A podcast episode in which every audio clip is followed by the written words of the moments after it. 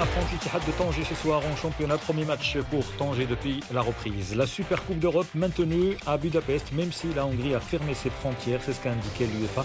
Et puis cyclisme, le Tour de France a un nouveau maillot jaune. Le Britannique Adam Yates détrône le Français Alaphilippe sanctionné lors de cette cinquième étape. Choc des extrêmes à Casablanca à partir de 20h ce soir. Le leader du championnat accueille la vente dernière au classement général pour le compte de la 26e journée de la Botola. Le Raja, le leader, contre l'Ittihad de Tanger qui végète dans les profondeurs du classement. C'est le premier match depuis cinq mois et demi pour l'équipe du Détroit touchée par la pandémie. Plusieurs joueurs ont été testés positifs. Tanger tentera de bien négocier ce virage et créer ainsi la surprise pour bien lancer l'opération sauvetage. Tanger est 15e pour rappel. De son côté, le Raja tentera de rester sur sa dynamique victorieuse depuis la reprise.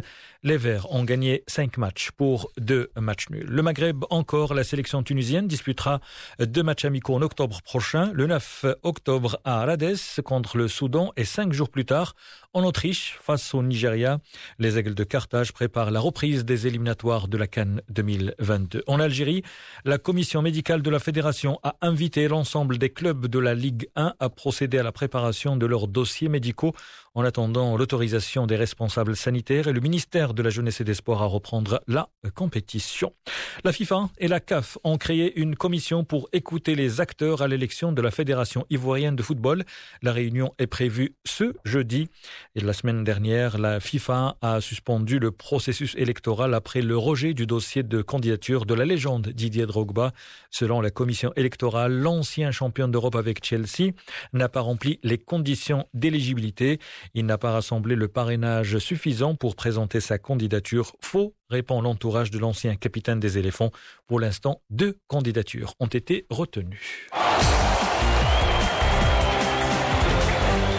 Difficile pour Léo de rester au Barça. C'est une phrase signée Jorge Messi, le père de la star argentine, arrivé aujourd'hui à Barcelone pour rencontrer le patron du club catalan. Messi, qui veut quitter le Barça, ne s'entraîne plus avec ses coéquipiers. Il n'a pas passé non plus le test de dépistage du Covid-19 dimanche dernier. À propos de Messi, l'Inter de Milan, la formation italienne, a écarté cet après-midi un possible recrutement du sextuple Ballon d'Or, affirmant qu'une telle option n'est pas dans les objectifs ni dans les moyens du vice-champion d'Italie. Le football sur le vieux continent toujours avec le maintien du match de la Supercoupe entre le Bayern Munich, le vainqueur de la Ligue des Champions, et le FC Séville, victorieux de l'Europa League. Le match aura bien lieu à Budapest le 24 septembre. La rencontre Bayern-Séville doit se tenir avec 30% de la capacité du stade, soit un peu plus de 20 000 spectateurs. Pour tenter d'endiguer la pandémie de Covid-19, la Hongrie a fermé ses frontières pour un mois minimum. Et puis une dernière information concernant l'Europe. Le Paris Saint-Germain a annoncé que trois de ses joueurs ont été testés positifs. Deux joueurs dont l'identité qui est connue. Il s'agit des Argentins Paredes et également Di Maria. Mais le troisième n'a pas été connu. En tout cas, le Paris Saint-Germain n'a pas dévoilé l'identité du troisième joueur. Par contre, la presse croit savoir que c'est Neymar, la star brésilienne, qui est la troisième personne.